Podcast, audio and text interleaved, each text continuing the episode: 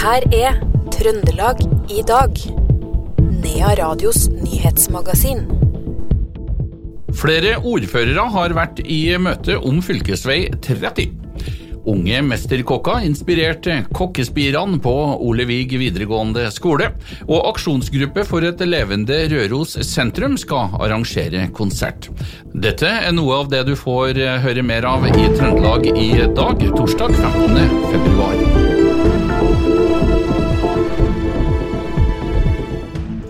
Men vi starter på E14, der to personer ble sendt til legevakt i Meråker etter en trafikkulykke på E14 nå i ettermiddag. Ulykken skjedde på svensk side av grensa, men førte til at veien ble stengt, og det ble lange køer. Det var en personbil som kolliderte front mot front med en trailer. Det sier operasjonsleder Ellen Maria Brende i politiet til Adresseavisen. Det skal ha vært svært glatt på stedet der ulykka skjedde.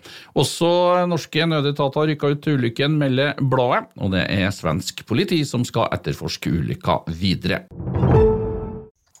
Så skal vi til et annet omtalt veistykke, nemlig fylkesvei 30.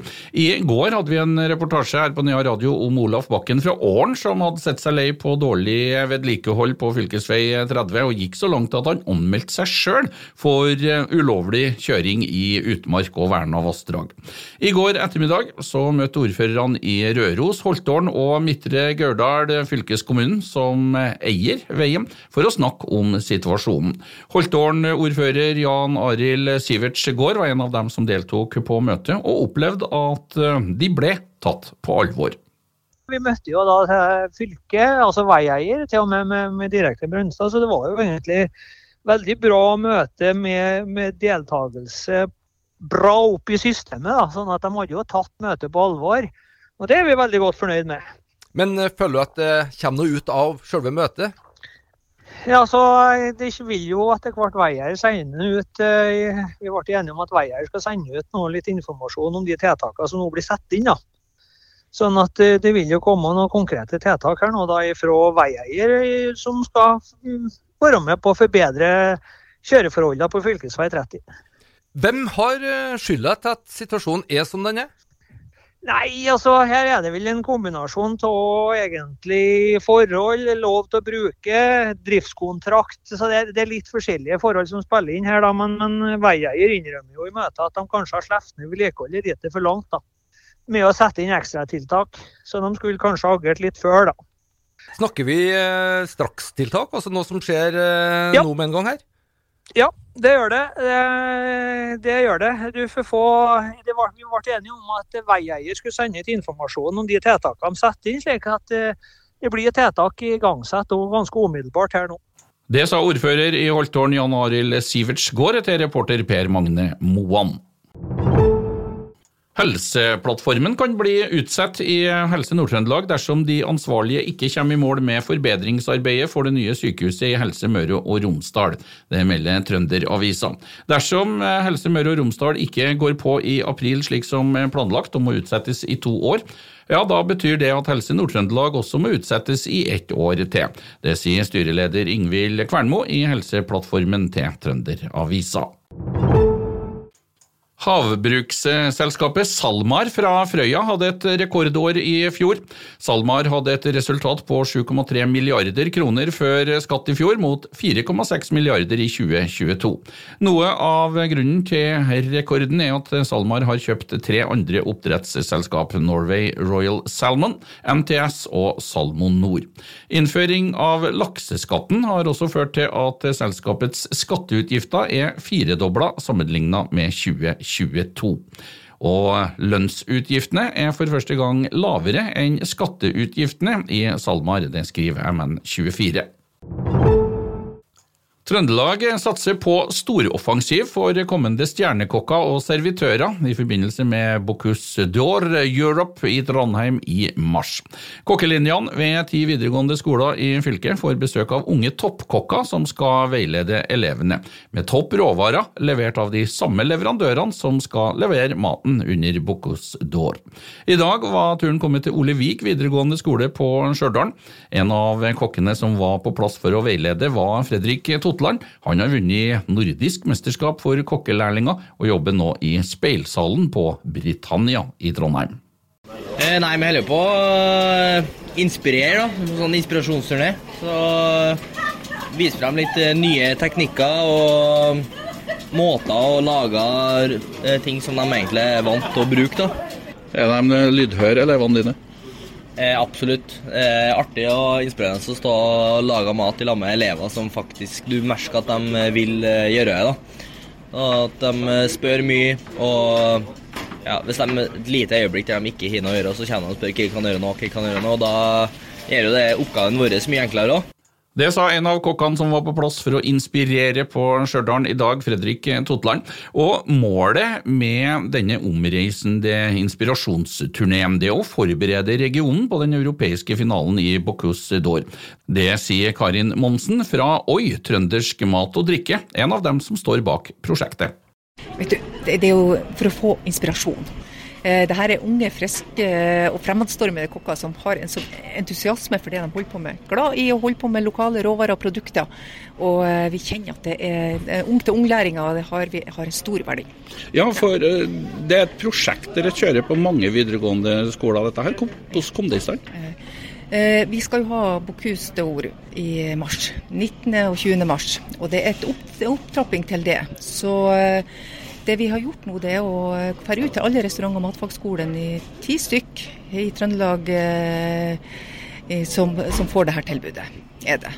Og eh, Grunnen til at vi gjør det, det er jo for å eh, skape entusiasme. Se, eh, få ut de flotte råvarene og produktene gjennom det at det er unge krefter som er ute og, eh, og eh, løfter herfra. For det, vi, har mye, vi har mye å skryte av i Trøndelag. Ja, Trøndelag er en klasse for seg sjøl. Vi har så mye flotte produsenter og råvarer og produkter. Så vi er så heldige. Det er et mangfold som eh, veldig få andre kan eh, vise til. Ja, Det sa Karin Monsen fra Oi trøndersk mat og drikke.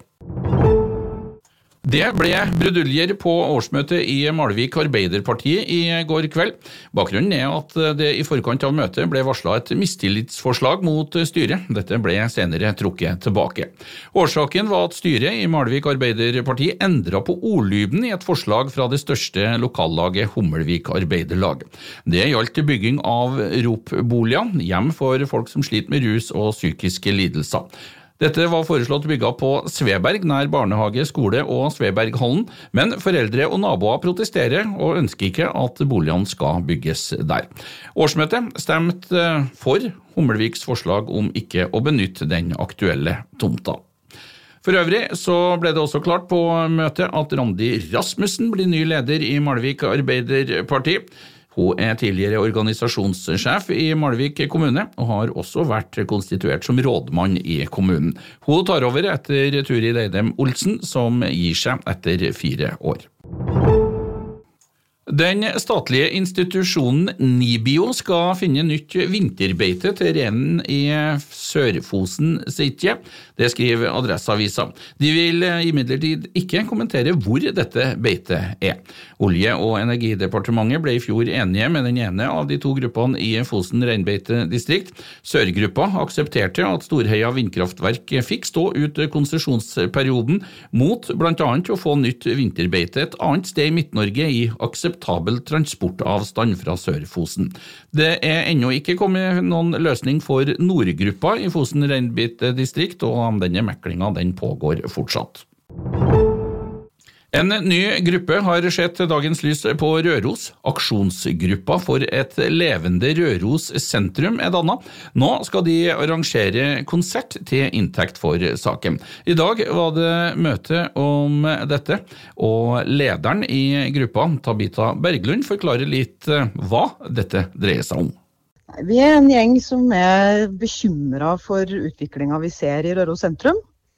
Vi ser at det blir eh, stadig flere fritidsboliger. Eh, det er hus som eh, eies av godt voksne mennesker, som lar dem gå i arv til sine barn. Og da er det, sånn som situasjonen er i dag, helt lovlig at det huset blir en fritidsbolig. Og det er det mange som gjør, og det fører jo til at stadig flere hus her blir tomme. Og nå er vi oppe oppe i, på Flanderborg, der jeg bor, så er vi oppe i 50% fritidsboliger. Så det begynner å bli tomt i husene og stadig mindre liv og energi i gatene, og det har vi lyst til å gjøre noe med. Ja, hvordan skal man gjøre noe med det? Betyr at er noe som sier meg at det er ganske tungrodde system som må endres på her? Det er det. Um, det som er veldig flott nå, er at denne saken om å innføre boplikt også ved arv i Røros sentrum er oppe i kommunestyret. Uh, og vi uh, satser på at vi skal klare å få med oss politikerne. Vi satser på at de skal skjønne alvoret i tide. Sånn at de vedtar det som er det eneste riktige for Røros sentrum, og det er å innføre boplikt ved arv. I en pressemelding dere sendte ut nylig, så frista dere med en konsert til inntekt for saken. Si litt mer om det her. Ja, vi har tenkt som så at for det første så kan musikk flytte fjell. Og for det andre så vet vi og vi kjenner og vi hører at den tause majoriteten på Røros er for å innføre boplikt ved arv. Uh, så vi tenker at vi, vi, arrangerer en konsert. Og så kan den tause majoriteten få lov til å si sin mening ved å møte opp på den konserten. Og vi har jo fått en helt fantastisk gjeng med artister til å stille opp. De stiller opp vederlagsfritt, helt gratis. Bl.a. Olav Mjelva, Trond Westberg, Tor Espen Aspås, vår eminente pianist. Og Kjersti Rydså kommer også. Kirsti Sæter har vi fått med oss. Copper City Ramblers. Så denne lista er ikke ferdig. Det kommer flere navn, og vi håper veldig mange vil ta turen til Sangerhuset onsdag 3. april klokka sju på kvelden. Det sa leder for aksjonsgruppa for et levende Røros sentrum, Tabita Berglund, til reporter Per Magne Moan. Til slutt tar vi med at de nominerte til Rockheim Hall of Fame 2024 ble klare i dag. Det er Ane Brun, Annie, Bel Canto, Bjørn Eidsvåg, Dolly Deluxe, Junifer Green, Kaizers Orkestra, Røyksopp og tungtvann. Nå skal en storjury bestående av 200 personer med bred bakgrunn fra den norske musikkbransjen stemme frem hvilke av de tre nominerte som vil innlemmes i Rockheim Hall of Fame. Det var alt vi fikk plass til i Trøndelag i dag, torsdag 15. februar. I studio, Knut Inge Skjem.